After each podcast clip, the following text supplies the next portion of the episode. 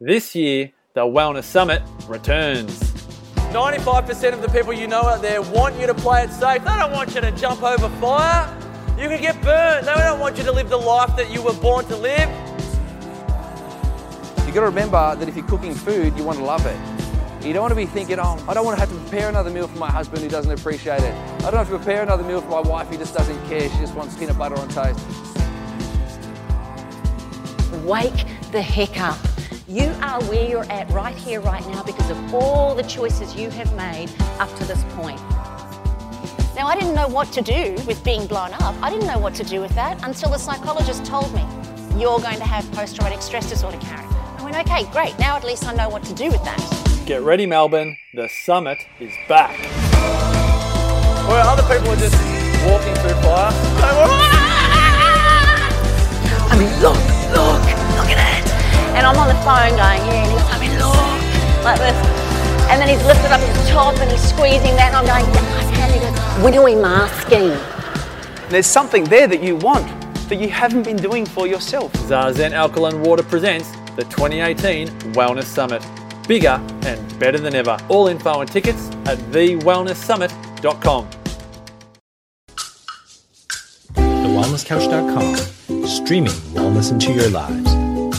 Welcome to Nourishing the Mother, featuring your hosts Bridget Wood and Julie Tenner.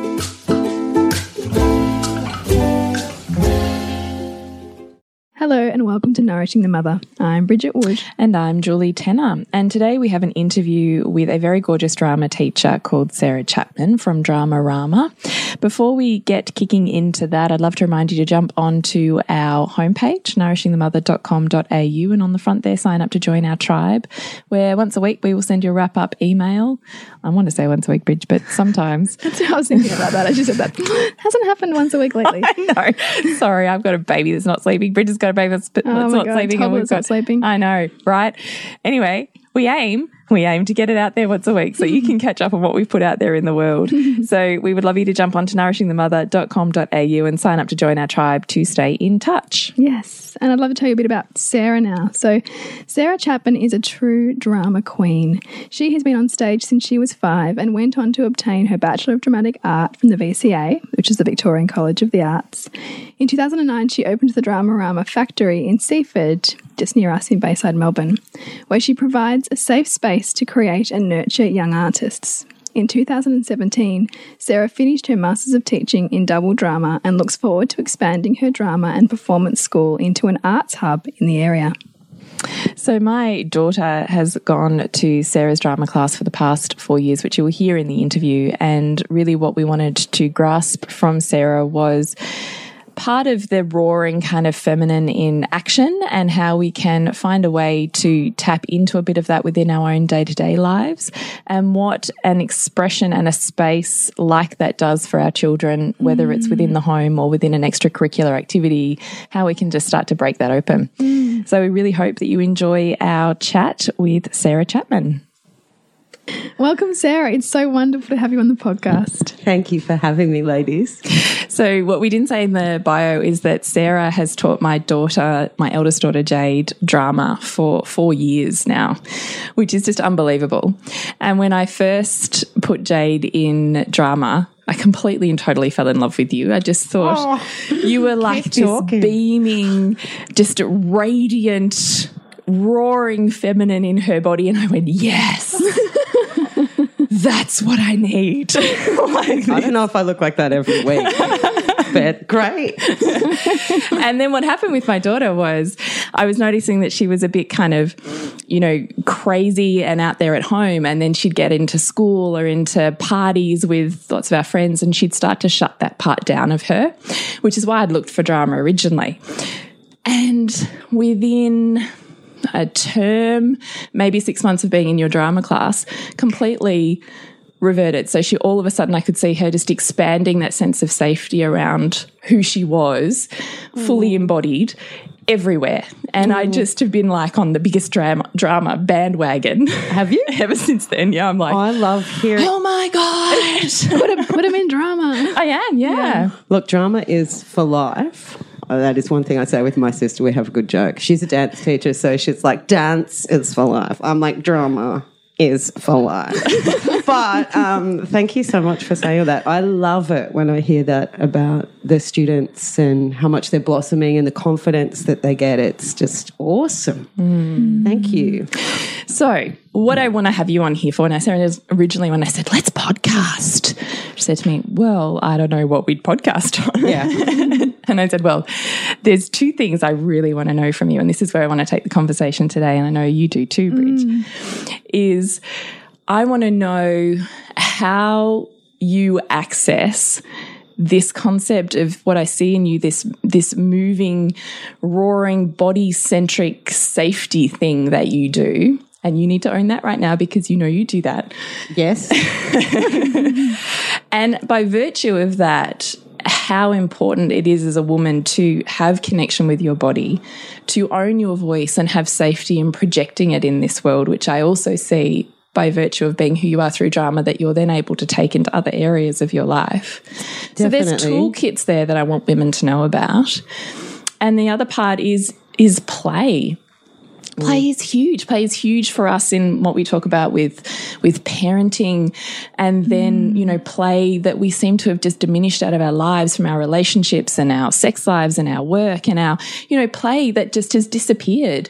And i'm so interested to know how you see play why it's important and how we move through as women our kind of crunchy uh, you know i don't think i can stuff to to get in to rip into that okay. Um, where do you want to go? yeah, where do I want do you to want to go. Bridget? I just love seeing, you know, you light up around this topic and also how, because I'm thinking about, as you're saying all of this, Jules, I'm thinking about my own story with drama and how much I struggled as a teenager to find my tribe, I suppose, and to feel okay in myself. And for me, musical theatre and drama was my avenue to feel connected to myself again in my body, a friendship group, you know, across all different age, you know, age levels and to really find a space to be okay you know as a teenager and try on characters and try on the full expanse of emotion i think that drama allows you. So as you were saying all that i was thinking yes you know like where where i suppose as parents did we lose that? And how do we bring some of that back at the same time as seeing perhaps you know as our children grow where they're dimming and how drama or play might be a good avenue for them to expand too Well, firstly, um, cheapers. Which question do I go with? Well, do you want to go down the path of embodied feminine first, or do you want to go down the path of, of play and awakening that? Now let's go there because you said body safety, and you sh- I should own that. Now, are you talking that um, I feel safe in the world with the way I hold my body, or what? What do you mean by body safety in that sense? I guess what I mean is what I see in you is this sense of presence, of a safety to take up space rather than feeling like you need to shrink in it.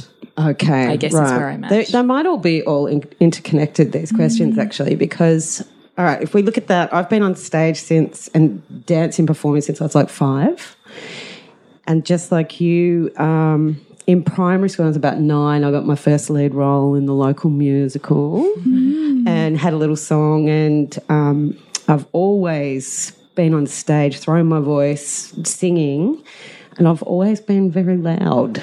Ha- Has that ever been what I imagine? Yes, though, people tell me off all the time. Yeah. The, so the recrimination of of that of I'm thinking of adolescence of being too much in this world, too much as a woman. Like, what is the the pain that's come with that, and how have you worked through that? Well, interestingly enough, there was a divide between me at high school and then me when I was performing and dancing and whatever. Um, at high school, I didn't feel so safe. I mean, schools are, especially if you're a teenager. I've got a 15 year old at the moment and I'm teaching in high schools, mm. and you forget. Or you don't. You look at these teenagers and you think You feel their pain. Oh, this has to be one of the worst periods of mm. life. I mean, it's great in a lot of ways. There's things that are expanding, but there's all that peer group pressure mm. going on, and then you're trying to get these kids to learn, and they're too, you know, focused on who's hating them, who's liking them, who's on the socials, and with um, all of the cyber, you know, atmosphere around them as well. You can't always be really sure about what's going on, but one thing that I did love was no matter how bad high school was or whatever, and I mean, I, I have some beautiful friends I'm still friends with. I'm not saying it was all bad. But um, I grew up in the country in Drouin where um, the boys played footy and the girls played netball. And if you did anything different, you're a weirdo. I just went, oh, stuff it, I'll just be as weird as I can then, really. I was really good at costumes, and people be like, oh, here she comes again. But I had that outside of school, you know?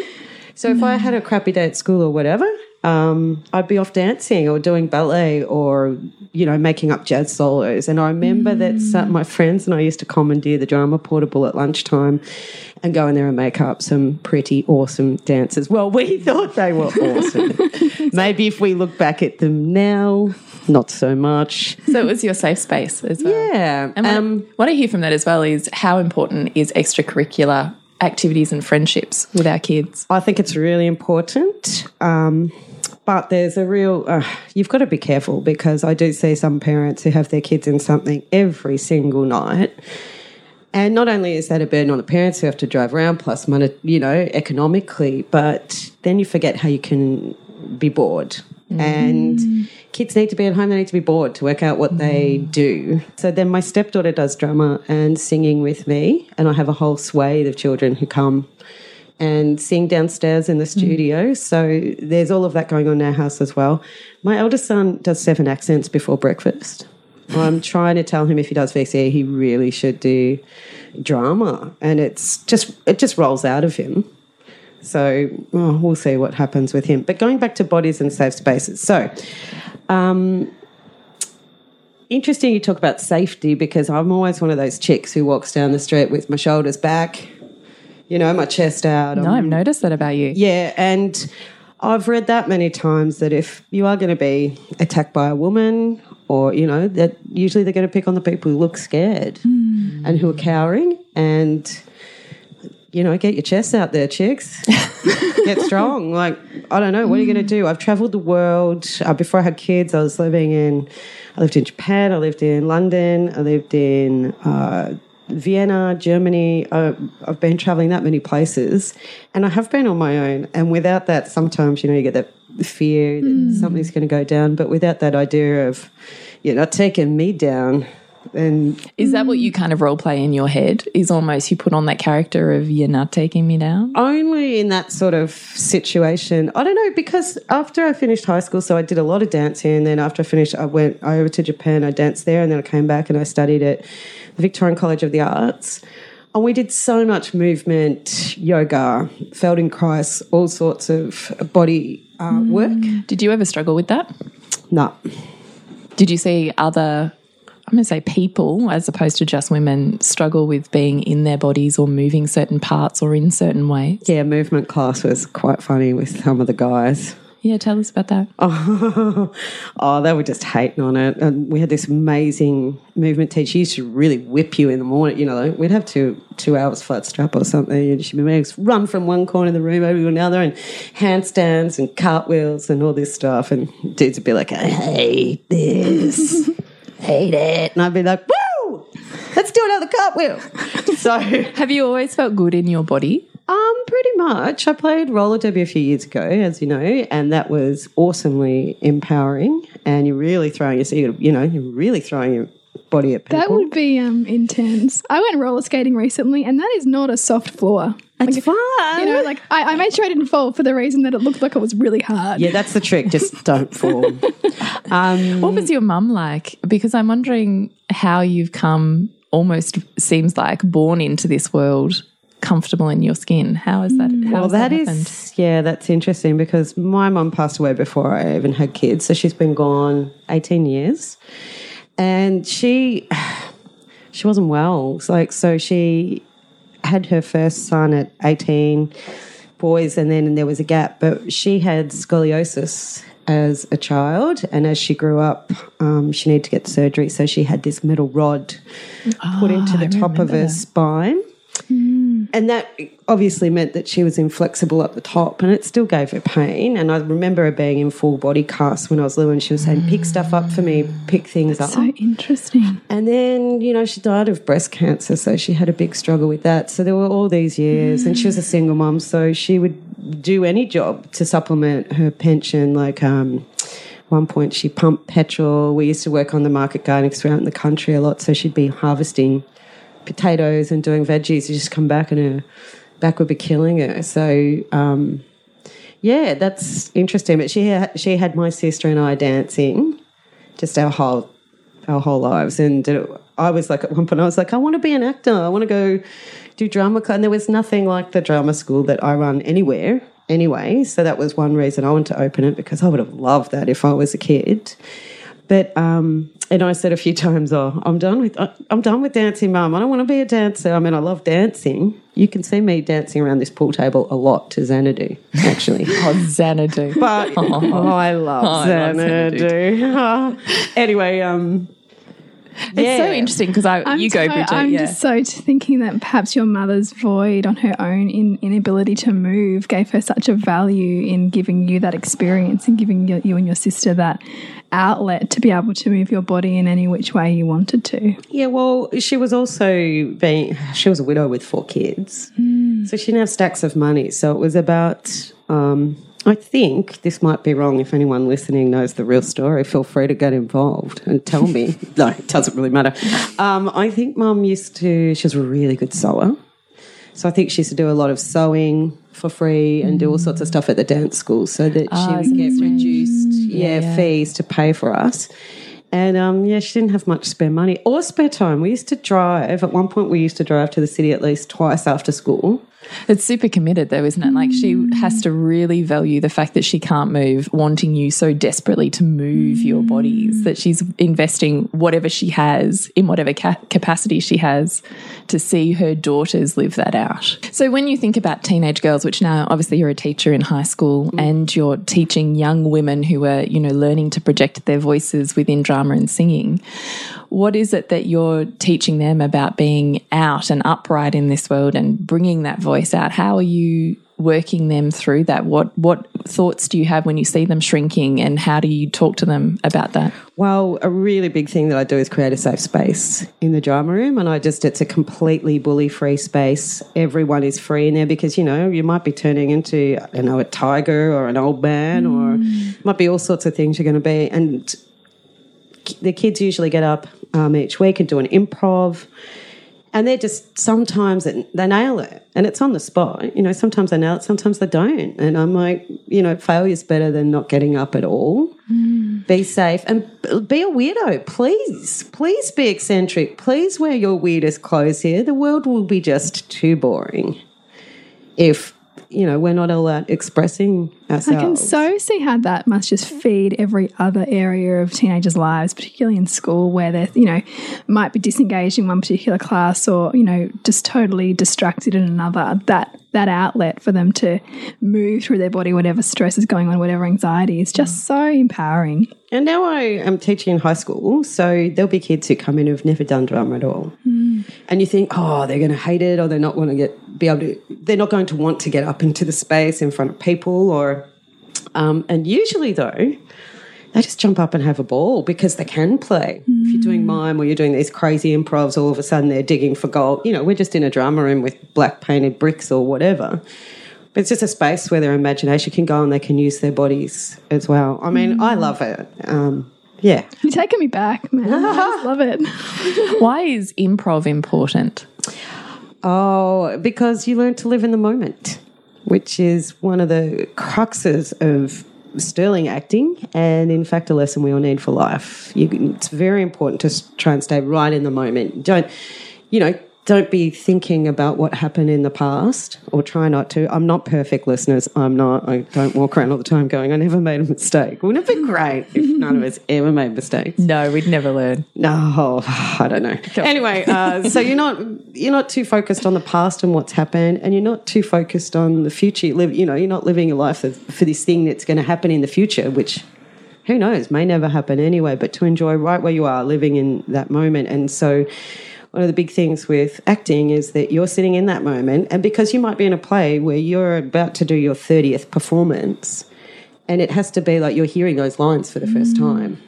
And every t- every night, an actor will speak differently anyway. One night it might be kind of angry, and you're like, righto, mm. let's take it down that path. Or another night it will be different. So, yeah, living in the moment. And I try to do it. Yeah. I wonder how that transcends into your motherhood or what extrapolations you have philosophically with that as well. Because when you're talking about might be your 30th performance of exactly the same thing, it feels like Groundhog Day in motherhood. How do you practice improv? in motherhood? How do you bring that play and a, a, a, different form of, of mindfulness in being in a moment through improv and play? How do you do that with Look, kids? I'm a perfect mother. No. None Oh of us are. It's not what we're saying. um, well, our house, we are so lucky, it's very full of laughter.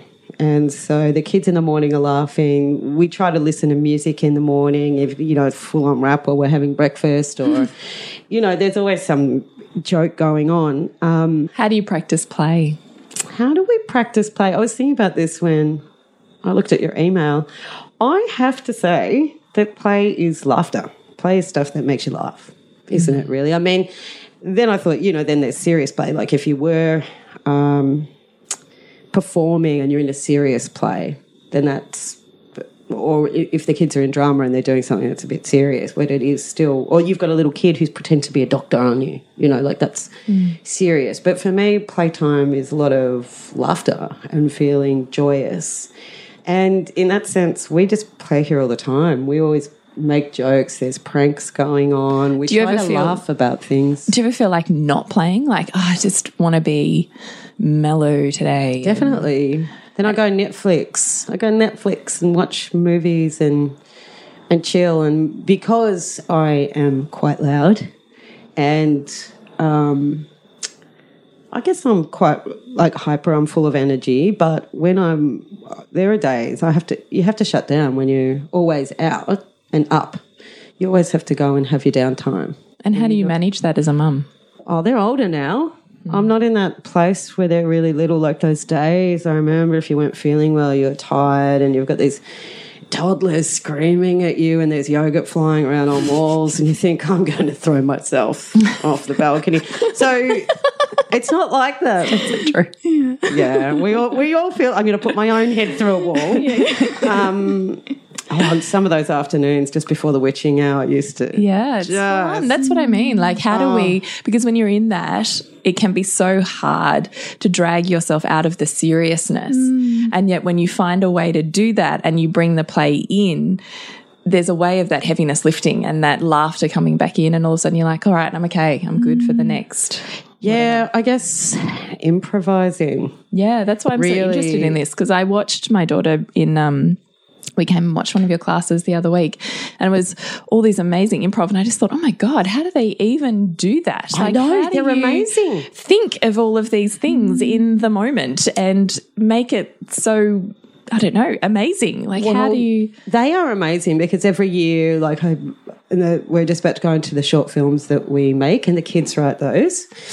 Um, excuse me, and I'll say, okay, we're making this short film in the kitchen, and you're a bunch of chefs, and how do we get from point D to F? Like, how are we going to solve that? How do we get through these two scenes? And they'll be like, well, what about this? And what about that? And what about that? And they find the logical um, I don't know, through. I don't know, the scene builder. I don't know what I should call that. Do you trust children and how do you do that in terms of trusting their lead in play? Because you're, what I witness in your drama classes is that it, when it comes to any form of performance, it's child led. You're not pre scripting anything at all whatsoever. They're doing the whole lot and you're following that play. How do you do that? Okay, so I usually have an umbrella idea, or if we, if it's a short films, I'm going to start sitting down with them and saying, "Look at the space we're in," because obviously we've got no green screen there. It's a hall with a kitchen, a bit of grass outside. we don't have a lot of you know sets and stuff, and we only have the hours in the hall, so we have to make it something that's very easy to set up and put put down. But I will ask them all about what their ideas are, and they'll throw things up. But something with the concert um, yeah, I usually have an umbrella idea, and then I ask them, "How are we going to do this? What do you want to do?" And some ideas I have to throw out. You know, I'll say that's a great idea, but that just does not match with this, and it won't get us to there, or that'll be too hard. We need to keep these characters in the piece, or we need to work out how we can get these characters in. So. Um, yeah, I, it's very collaborative. It's all about collaboration in the films and the concert and even the classes, they get together, they make little improvs, I don't know, 10, 15 minutes and get up on the stage and show the class. And that's all about coming together and collaborating, which is just such an awesome skill for life. And What do you do when that doesn't work? When there's clashes or they're not communicating well? Uh, it doesn't happen often, actually. But there might be one student who says, you know, we're, we're doing an improv about being in a bakery, for example, and one's like, I have to be a princess. Or one boy is like, I have to be a ninja. And I'm like, well, that really doesn't fit in this whole thing. Um, so I try and get them, funnel them in to be characters to stay within the story because the important thing as um, artists, actors, singers, whoever, writers, you've got to follow your story. You've got to stick to your story. It's about what the audience sees. We have to make sure that the audience understands what's going on. But then, yeah, there was one year that one little boy just couldn't stop being a ninja, and it was a lemonade stand, and I thought, stuff it, just be a ninja. like it was, it, it was like. And I don't, I don't like to do it because then all the other kids will be like, oh, but then I, he should be be this and that. And then, so sometimes they all look at me and they can hear that I've tried for like two or three weeks to be like, we've got to be something else. Mm. And then they say, yeah, no, Sarah, just let him be a ninja. and, you, you know, sometimes I think. I'm going to say that to you. Just, I'll just let you be a ninja. yeah. And sometimes I think some of these. like a dog with a bone. Aw. So I think these little students too, like they they ache for this one place where one hour a week they can be a ninja for an hmm. entire hour if they want to. Hmm. So sometimes I let it slide a bit, but you can see um, that balance there. yeah, but I do what I'm trying to teach them is following a story. So I do try and do that, but And do you ever find yourself hitting your own edges of wanting to control it or wanting it to be a bit different or like, oh my God, I can't believe they're doing that? Do you ever kind of hit your own edges there? well, yes. So that's what I'm interested in too is when we're talking about following our children's lead into play, how do we deal with our own kind of "Er, er"? Well, you have to try and shape it, and you have to know where your boundaries are. Tell me about that.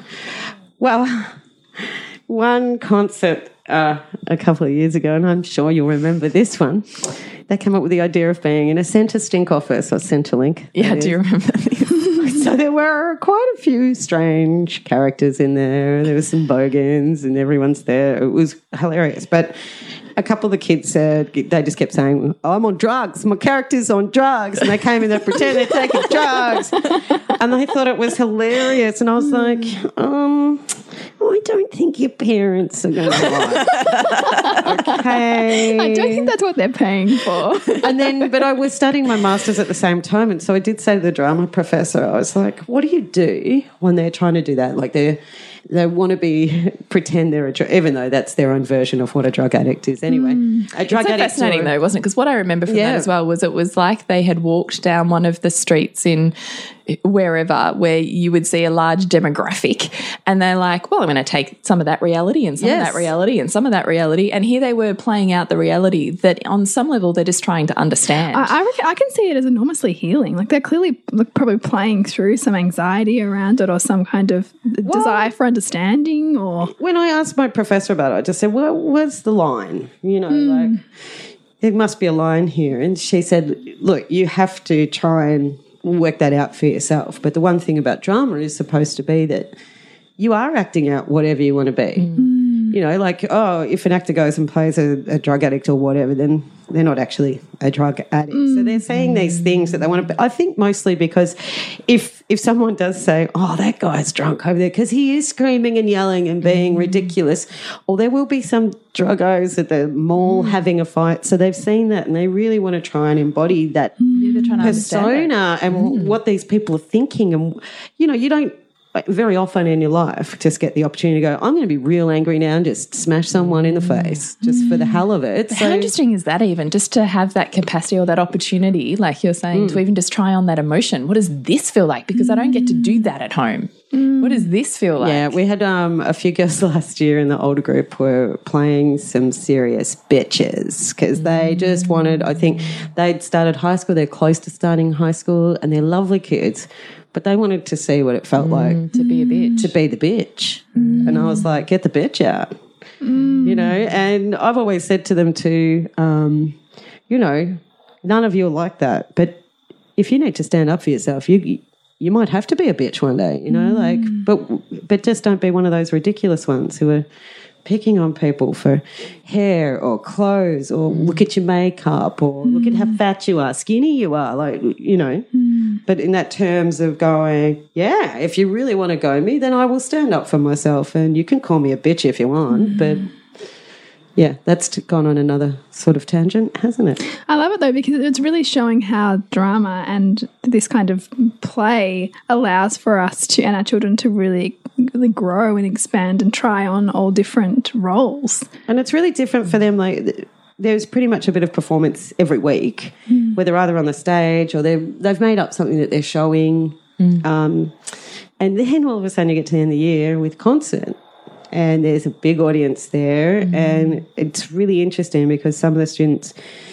I think your daughter the first year was crying. She was that nervous. I, I can see Jade struggle with that. I can see her kind of pull herself in a bit and then try and expand and pull her in. It's like this shrinking and expanding as I'm watching her. Yeah. Yeah, I, I think she was crying the first year. Um, and some of the kids are that nervous. Yeah. And I'm like, you're not going to die. Let's just go on stage. You, you want to see how good she'll feel afterwards. Mm. And they do. They have this sense of, I did it. Mm. And you know, that whole idea that the show's got to go on, you know, like no matter what happens. Um, yeah, when students are sick, like your daughter was sick Yeah, one yeah, year yeah. too, and she was beside herself because she, she had was. gastro and she couldn't go on stage. Mm. She was just beside herself. But then the rest of the, and there's nothing you can do about that Mm. at all. She came to class the next week, she was crying. I was like, there's going to be another drama show. Don't worry, we really missed you, you know. Yeah, yeah. Um, but at the same time, all the other students around her, Got a, an opportunity to really step up in their improv. well, they had to pick it up. They had to be like, Jade's not here, so we have to know how this story runs. We have to know what AB, you know, how we get to the end, and we just have to do it. And they did. Yes, So it's that whole concept of you've got to get up there and do it. You just you've got to get up there and do it and face your fears. How do you breathe confidence into kids to face their fears? Hmm. That's an interesting question. I don't know because I know I've got a gift for it because there'll be little kids who don't even want to leave their mother's side when they're starting and they're that shy and the mum says, you know, come on, keep coming back. And then by the end of by the concert they're front center trying to shove their way like everyone out of the way, you know, like it's my turn. I just keep saying everything's going to be fine. And I think uh, once they get over their initial fear, and then they're in this safe space and then i'm there at the concert and that and you know i bolster them up and you know you're going to feel awesome after this we're going to show them our story and a very important thing i try and teach them as well is that they need to keep their head in their character and their story so if you're out there performing or your song, you know, like the story that you're telling with your song, instead of thinking, who's out there watching me? Am I an idiot? Am I doing okay? I'm mm. terrible. Instead of that, just thinking about being right in the moment, in your script, in your story, doing what you need to do to serve that. And, you know, like I say to some of my singing students who get really terrified because they're on stage on their own, I'm going to say, do you know what? Even Christina Aguilera, who can sing, no matter what you think of that woman, that woman can sing. You know, you can be the most well produced, well trained person in the world. You make millions and trillions of dollars, and people are still not going to like her. Have you experienced haters in your? Oh, I've got so many haters. No, I don't How do you? how, how have you dealt with the haters then? What's the? Because you have quite a strong anti-bullying. Um, um, I don't know what the word is. Drive. I'm wondering where that's come from. Did you experience bullying when you were younger? Oh yeah, I did in primary school. Um, I don't know if there are kids who anyone who really escapes from even a little bit of bullying. I mean, uh, a bit of it's part and parcel, which I hate to say, because part of things that I part of my future, I'd like. I wrote some papers on. I'd love to start some anti-bullying workshops. Um, people can be horrible. People can be mean. I mean, you get to a point you don't want to go to school, and But have you learned a toolkit from that? Like in terms of when you say, you know, haters are always going to hate, but it's about almost in a way expecting that and then working out how to handle yourself within that. Have you learnt that skill set? Yeah, yeah, and that's hard because I reckon I've only got a real hold of it as I get older. I mean, you can say as much as you want, I don't care, haters back off, whatever, but people do say stuff that really upset you. How do you handle yourself though? Like coming back to when you're really saying to these teenage girls, you know, it's great to try on your bitch. Yeah. And some point in time, you might need to call on her. Which Oh, I think they will. we do a lot in our work with women in terms of even trying on, which is in essence, I wonder, a form of improv is looking at even calling on the feminine archetypes. So knowing, okay, well, this is the time to call in, you know, the divine mother, or this is the time to call in the seductress, or this is the time to call in the maiden. And you almost have in your head a picture of what she looks like, what she sounds like, what she would be moving like, what she would be wearing like. And you go, right, be that. And I wonder in a way that's kind of like doing that is trying on your inner bitch so that you have the capacity to face the world in a particular way. And I'm wondering if that's the skill set that you've learned from the experience of pain that you're now able to hand down to girls now that you never had the opportunity for that toolkit. Well, it's very interesting because we do have different characters that we use in life, don't we? The one at home isn't the same as the one we take to work, or the one at the party, or, you know, is not the same person that you would show at the bank. Uh, we all do have different faces that we have to wear. And it's not about being two face, three face, whatever you want. It's just having those different, yeah, characters and roles that you Facets. play. And that is what I do make the kids do, though. They have to, when I ask them to imagine something, they have to get as clear a picture as they can before they go on. But um, Is that what you do in your head at certain times? Do you find that that's become second nature for you? That concept of trying a person on or trying an emotion on, or do you is that kind of second nature for you now? yeah, yeah, I don't feel like I change myself. So do you would you enter a situation or you know you've got a hot date or you've got a party or I've you've got a hot date every night. or you've got a performance or something, are you spending time getting yourself per se in character? So you need to be the party girl. So you're doing certain rituals to get yourself into that vibe. You need to be whatever. Do you uh, do you kind of employ that as a process? I do, but that's pretty much through the process. So through rehearsal, character building, uh, you know, everything, all the workshops that you've done. You might have done movement things that change the way you walk. You might have a different center in your body as the character.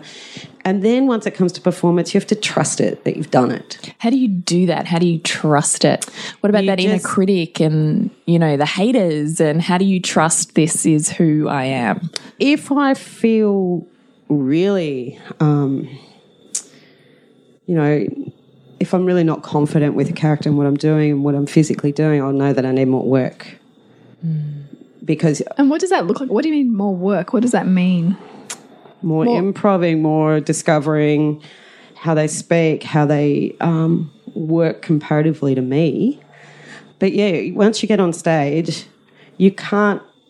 Yeah, I don't think you can afford to be sitting there thinking about the haters or whatever because you need to be It's a practice. of you being hundred in there. percent in your character in that show. Mm. And I say to the kids, trust yourself, like trust your work. Even, you know, they'll be, oh, what if I forget this or this? I'm saying, you're not going to. We've done, we've rehearsed this that many times.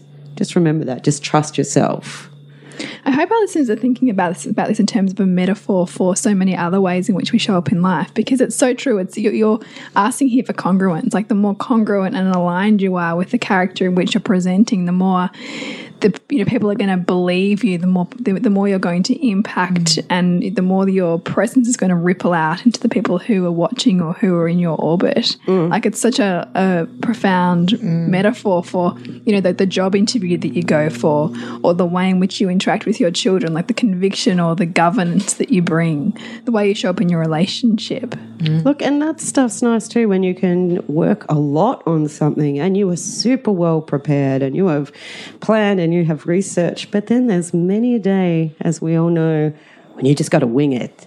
Mm. And that's the improv. And you just have to trust yourself. And that can be hard, especially if you're a person who's very used to the, the schedule and the plan and the this and the that. And you're going in like, you know, it's almost like feeling blindfolded. That's what I wonder. This is I'm interested in this. Like this is hitting our edges, right? Our edges of of discomfort, where you go, oh, you know, I feel like this character would move like this, but I'm not sure that that's comfortable for me to do. Or you know, God, what if I completely stuff this oh, up? Well, I think that's instinct, and you have to learn to trust your own instinct. But how do you do that? to- Surely you've met women who are completely feel completely separated from their own instinct. How do you come back there? Oh, that could be hard. I had to go through a pretty rough trot, and I should have t- uh, had a a past relationship without going into too many details. But um, I'd basically lost my ability to trust my instinct. I had instincts in the beginning about this relationship that I should have followed, and never again will I not trust my big instincts. But by the time that relationship had finished, without going into too much of the uh, bad details of it, um, I didn't know who I was anymore, really, mm. and what I was trying to do, and how I reacted to things. You know, like I really lost a lot of my spark. And then it just slowly had to come back. And then being on my own with my kids, and a lot of that was terrifying. I just had to leap into the void with a lot of stuff. I didn't know, you know, how are you going to pay the rent? How are you going to feed them? How are you going to get there? How are you going to do this, this, this? And I just kept putting one foot in front of the other, and I kept saying to myself, it's going to get better. And a girlfriend of mine who's been a, a single mum for 10 years, and she's a really hardworking hair and makeup um, artist in the industry. So she does some crazy long hours on sets and, and things. And I just still don't know how she's done that all on her own. But she has always said to me, it's going to be okay. It's going to work because you don't have any other option than for it not to work. Okay. And she was completely right. Like, what can you do? You can't let it all. No, you can't. But how apart. how did you get your when you say you lost your instinct? So you can you can in your mind cast back to all of the times that you've kind of buried over and dampened that what used to be a loud voice down to a whisper, down to potentially not being heard at all. What have you done to to brush away the debris to come back to hearing that voice again? Well, first of all, you need time. You need time. It takes a do what? while to heal and to start to listen to yourself again and to start to trust yourself. And we all know when our instincts on. We all do. You can feel it. What do you feel? Um, That it's right. You know that, that, that there's solidly something down it. I reckon it's down your solar plexus. Mm. That it's right, that it's good, or that this is a chance that I should jump at, or you know, and you can you know you can feel it too if you think, oh, this is not good. I think we've made a bad decision here. But then that all has to be about the adventure of life as well. It's never going to be perfect. It's never going to be. This stuff is going to go wrong, and you've got to try and laugh at it. Like losing a sense of humor has got to be the worst thing ever. You can't always laugh, but So has drama really served your life? yeah. I mean, that's how I, that's what I've been doing my entire life, basically, and performing and now um, nurturing and creating artists through um, students. And it's how I make my money. It's how I, I've gotten my master's through that. We just want to take a moment to talk to you about our aligned parenting program, which has very much been created from both myself and Bridget from our hearts and our minds, and our years of parenting wisdom, which is very much built upon a foundation of every conscious parenting book that's ever been written, every in person experience that could possibly have Manifested. manifested. yeah, absolutely. And we realized we still got to this point where we had no understanding or deeper insight beyond our children's needs, and we needed to feel into our own bodies and our own minds and our own sense of desire and want in this world as much as within our relationship. And we didn't know where to go beyond children's needs. And it's a relationship like no other, that parent child dynamic. You know, it's not something that just comes naturally if we seek to both raise children with strong emotional intelligence and grow as women and mothers and partners and wives. Mm. So, what we've done is opened our aligned parenting program up for lifetime access. Yeah, so that's $197 in one payment, or you can have it in three payments of $66. And what that means is that you get instant access to all of our course material, and you'll also go into our private Facebook group with our tribe And another group where we will facilitate month bi monthly live webinars. And we'll also Yep. have facilitation with you after those webinars to hash out any conscious parenting dynamic that you find yourself in and, and where you want to really upskill. Mm. And that's for lifetime. So we really invite you to jump in to Align Parenting Programming with us, where we really work on creating deeper insight and greater connection within your world.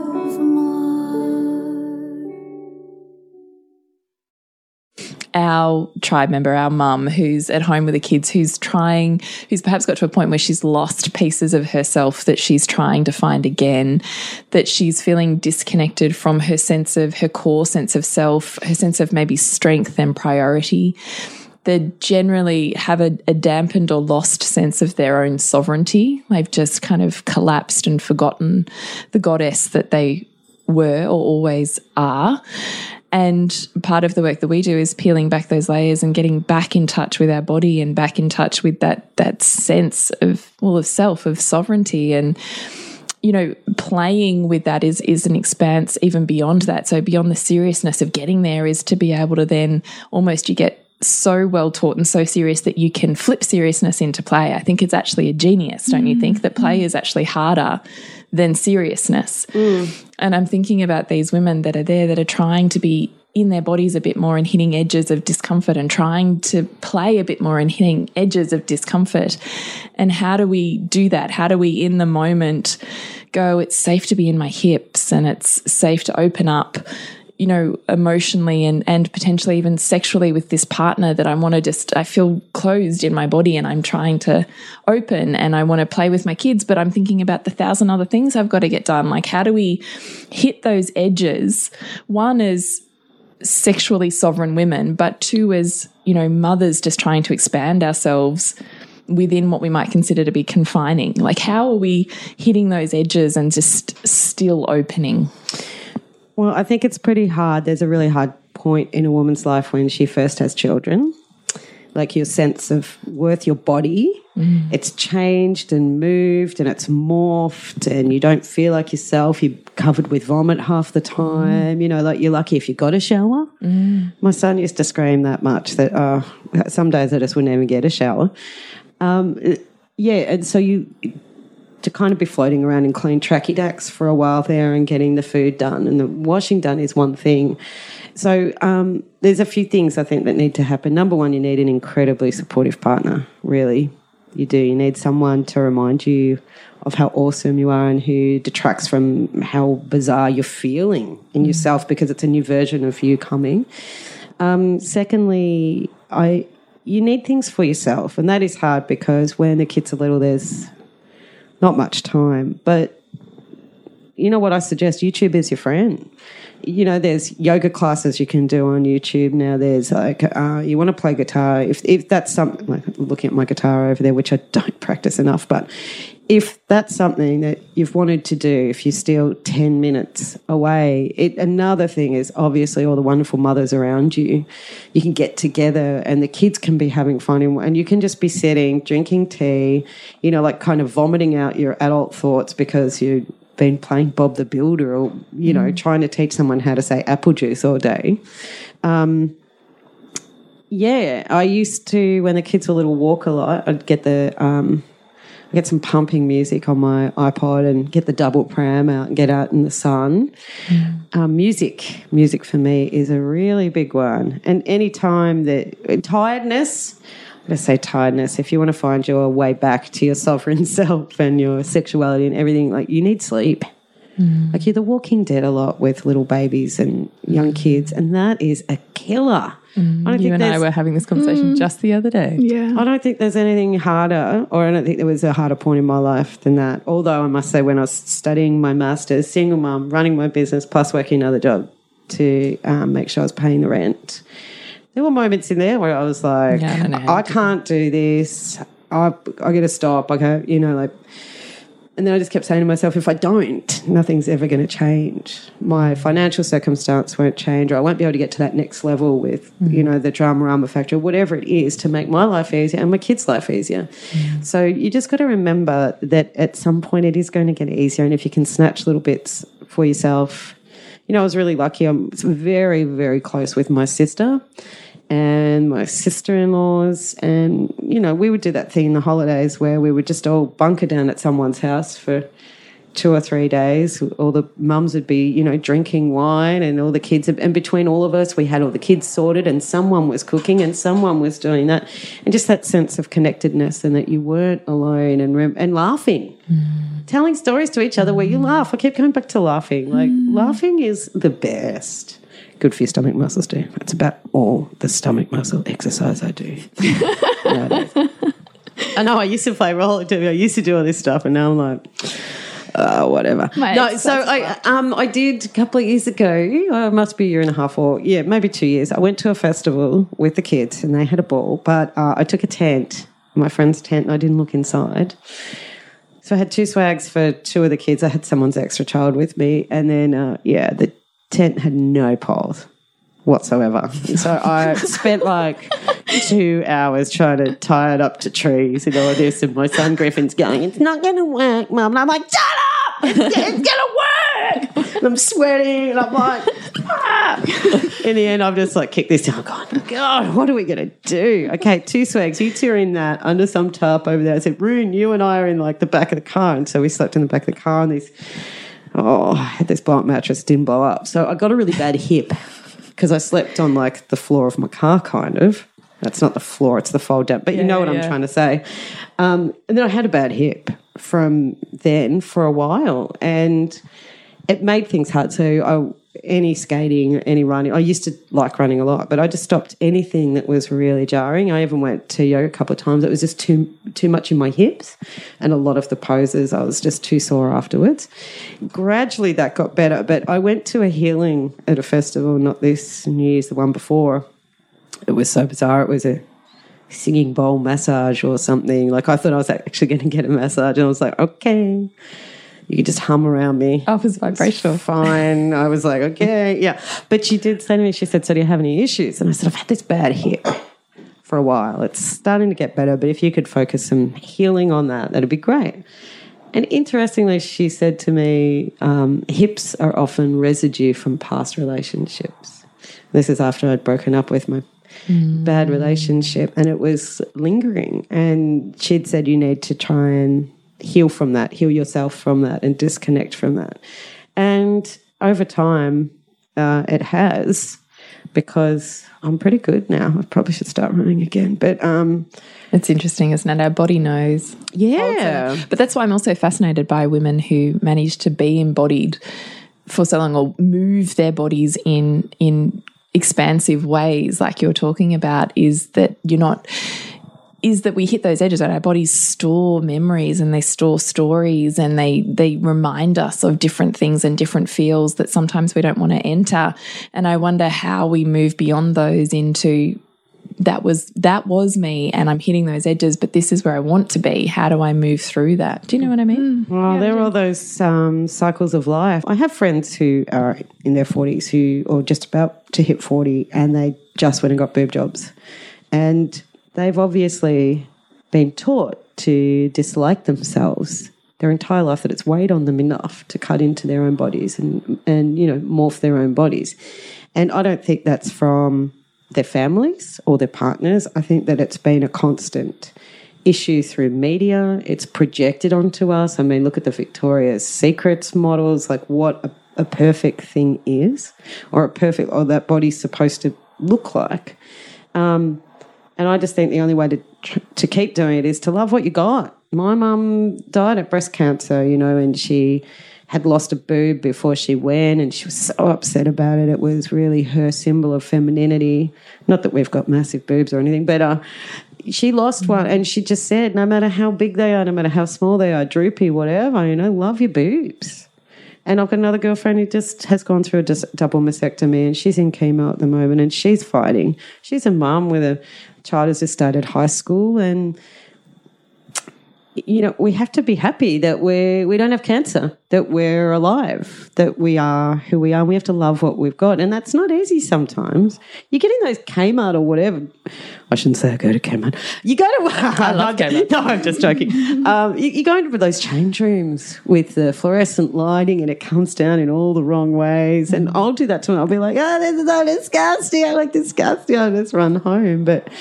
I don't know. There's lots of tricks out there in society that just want to pull you down. And like I say to my kids, it's a bit of a different topic, but you know, without the perfect body, or you know, like they'll talk about, oh, those people must be really rich because they've got a Lamborghini and blah blah. And I'm like, well, that doesn't necessarily mean their life's perfect or they're good people. Hmm. Really, it just means they've got a nice car.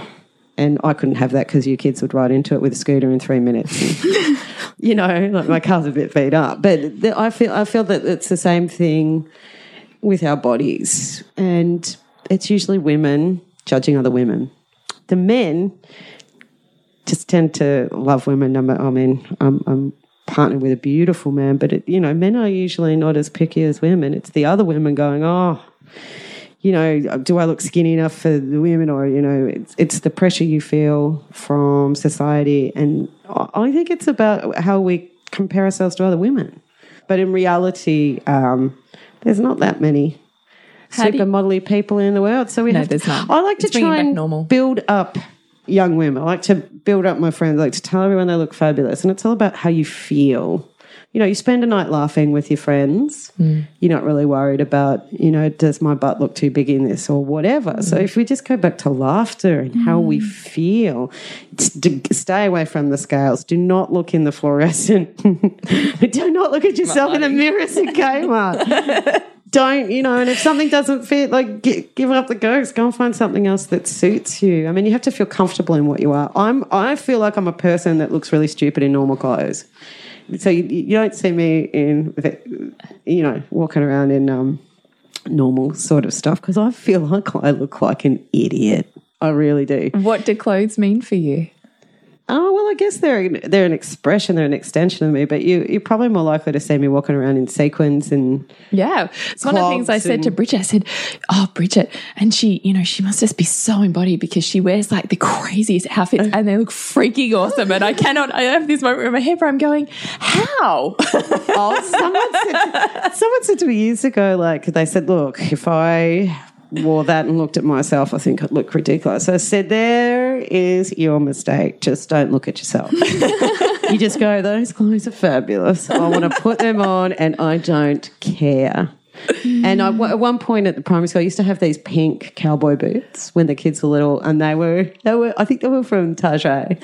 They're really slippery. I went arse over that many times in these things, so I had to get rid of them in the end. But um, I used to wear them with long stripy socks and some shorts to school. And I think, and, and a couple of the mums came up to me like later on and said, "As soon as I saw you in those pink cowboy boots, I knew you had to be my friend." And I was like, so that is so weird. And like, you know, but you might be walking around and go, I was like, oh, I'll just wear whatever's on the floor for school because I thought I looked are ex- ridiculous. clothes are an expression. Yeah. And what you're saying is you're dressing according to how you feel on the inside and you're Yep. putting that outside going. And that's the art of adornment, isn't it? Is Yeah. I'm showing this is my identification to the world of here's who I am, feel me, see me. You know, it's that we mm. spend enough time and have enough reverence for creating the time to check in, to go inwards and go, what do I feel like today? When I open my wardrobe, what am I drawn to? Mm. Well, I am I am lucky too though because I have my drama singing school and I tend to be able to wear whatever I want when I do that.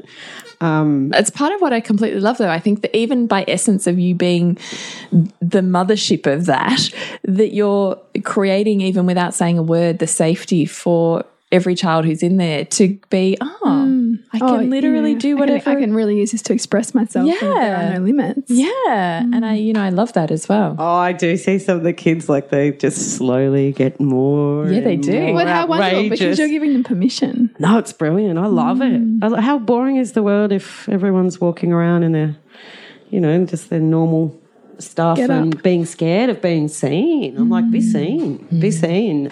what I was going to say is it's interesting we don't give two thoughts often to what we're putting on our bodies in the day, and yet what we're putting on, if we actually stopped and thought about it, would in essence give the vibration of how we're feeling in the day and mm. how we're felt in the day. Yeah, Like, definitely. it's really interesting.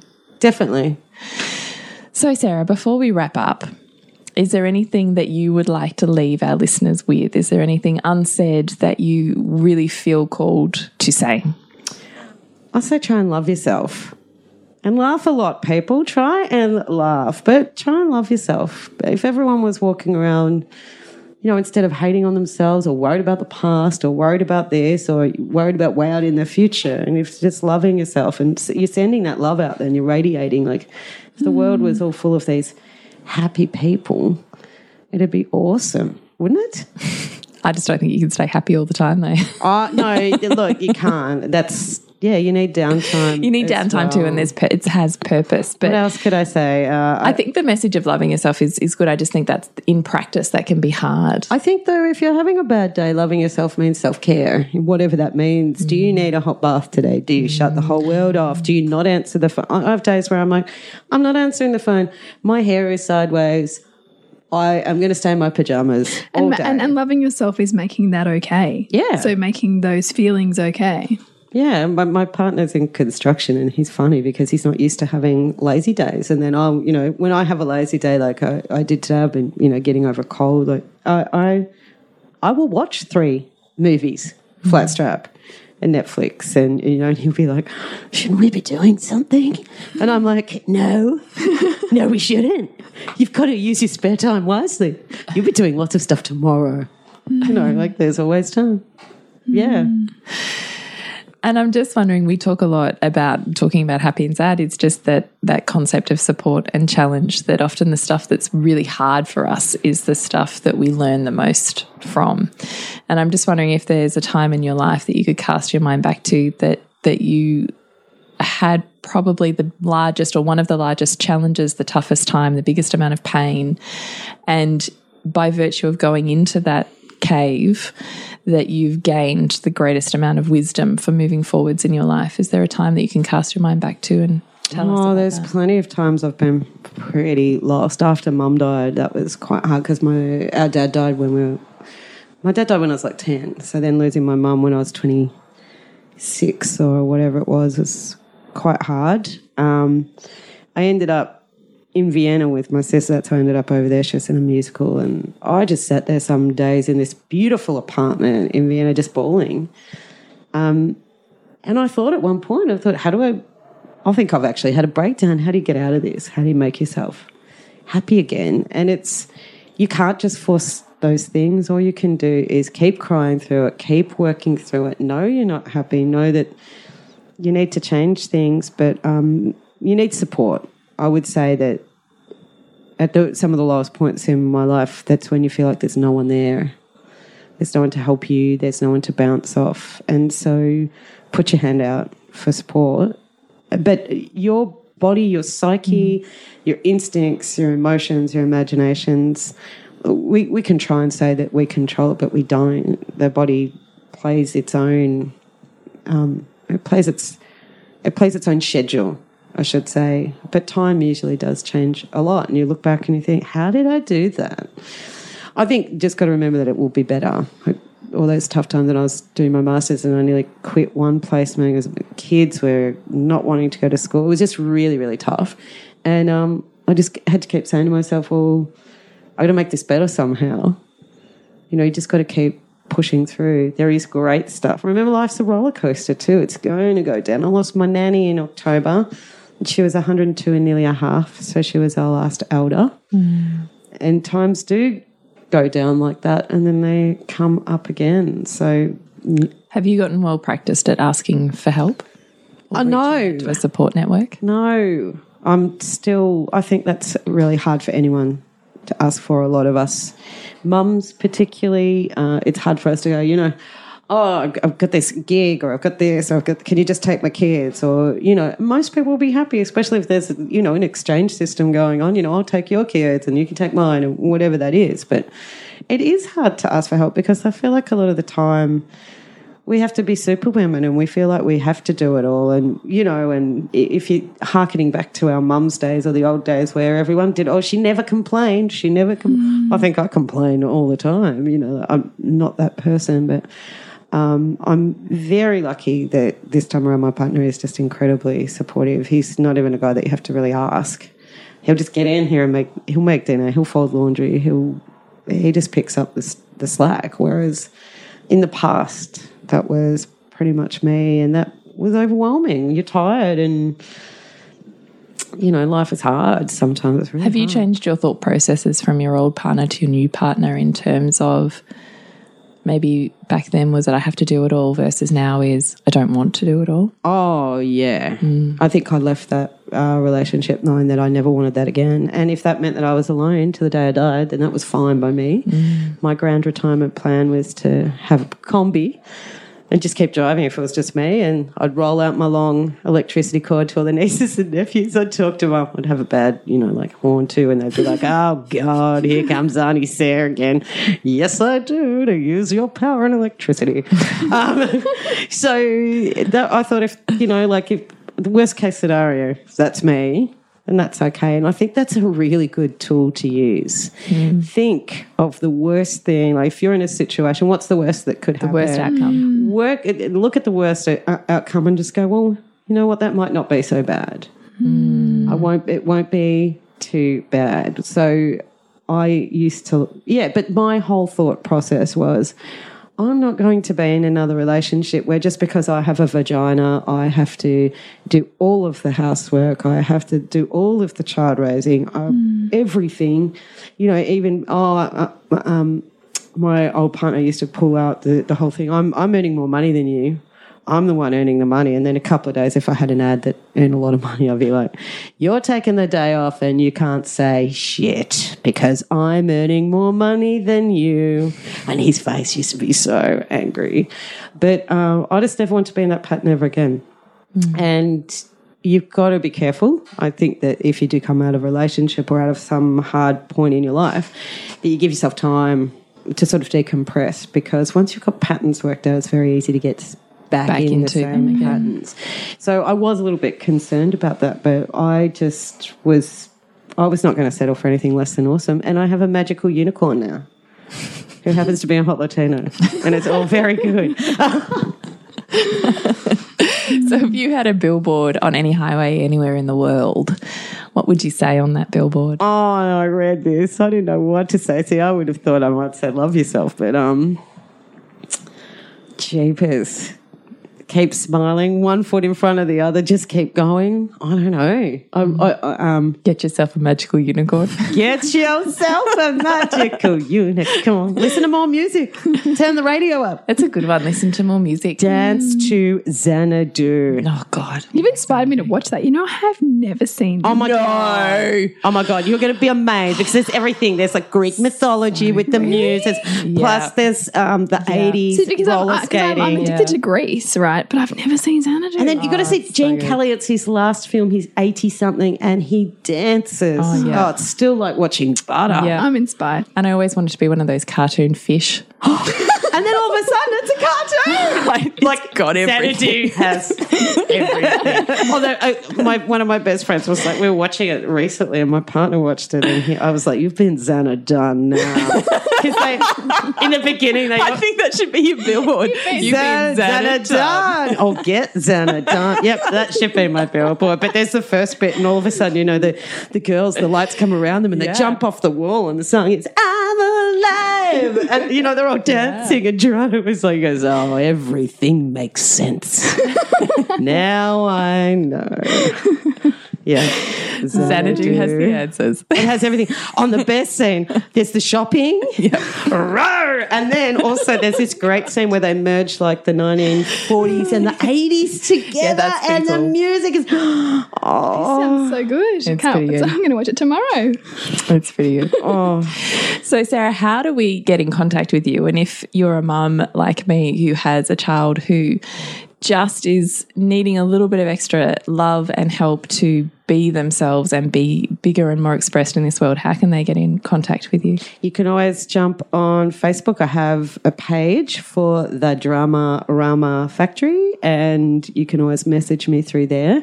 And I have two email addresses you could contact me as contact me at as well. Um, should I say that now? Or will that Say one on of them, and we'll make sure we put everything in the show notes as well. Okay, you can go uh, Silver Sar, so it's silver like the metal, S I L V E R S A R, at outlook.com. And I tried to give someone that email the other day. She said, It keeps bouncing, this older lady. And I said, What did you have again? She goes, I am Silver Sar. and I was like, No, you're not supposed to put the I am Silver Sar. But I liked it. But you are. I am Silver Sar.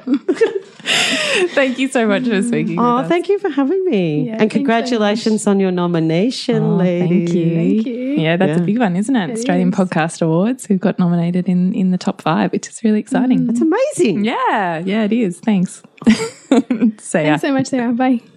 Lovely to meet you. Bye.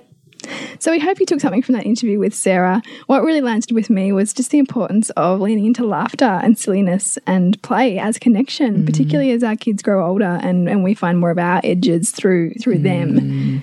and making craziness and the bigger expanse of emotion just that bit safer. Mm. I think when you have a space to get your crazy out, you can just find a space to really settle into your own sense of self, like a deep, a deeper sense of self, and know that it's safe for you to be you. And I, I really totally dig that with Sarah as well. She definitely Yeah. creates a safe space within her home and within the drama school for kids to be all of who they are. And I definitely respect that.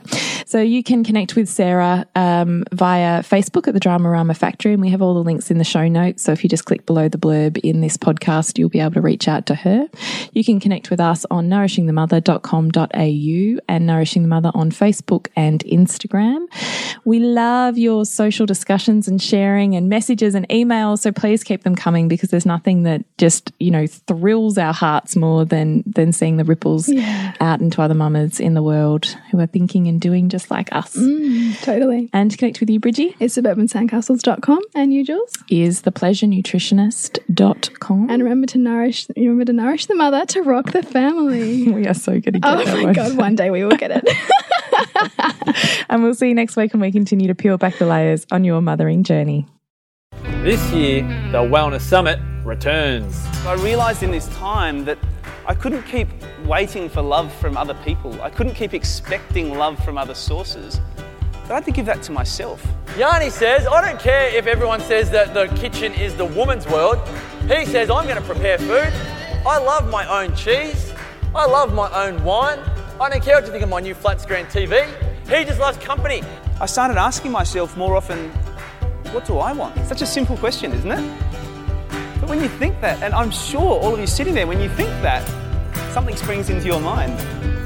And there's something there that you want that you haven't been doing for yourself. Brett Hill and Marcus Pierce feature at the 2018 Wellness Summit. Bigger and better than ever. Tickets on sale Friday, May 4 at thewellnesssummit.com.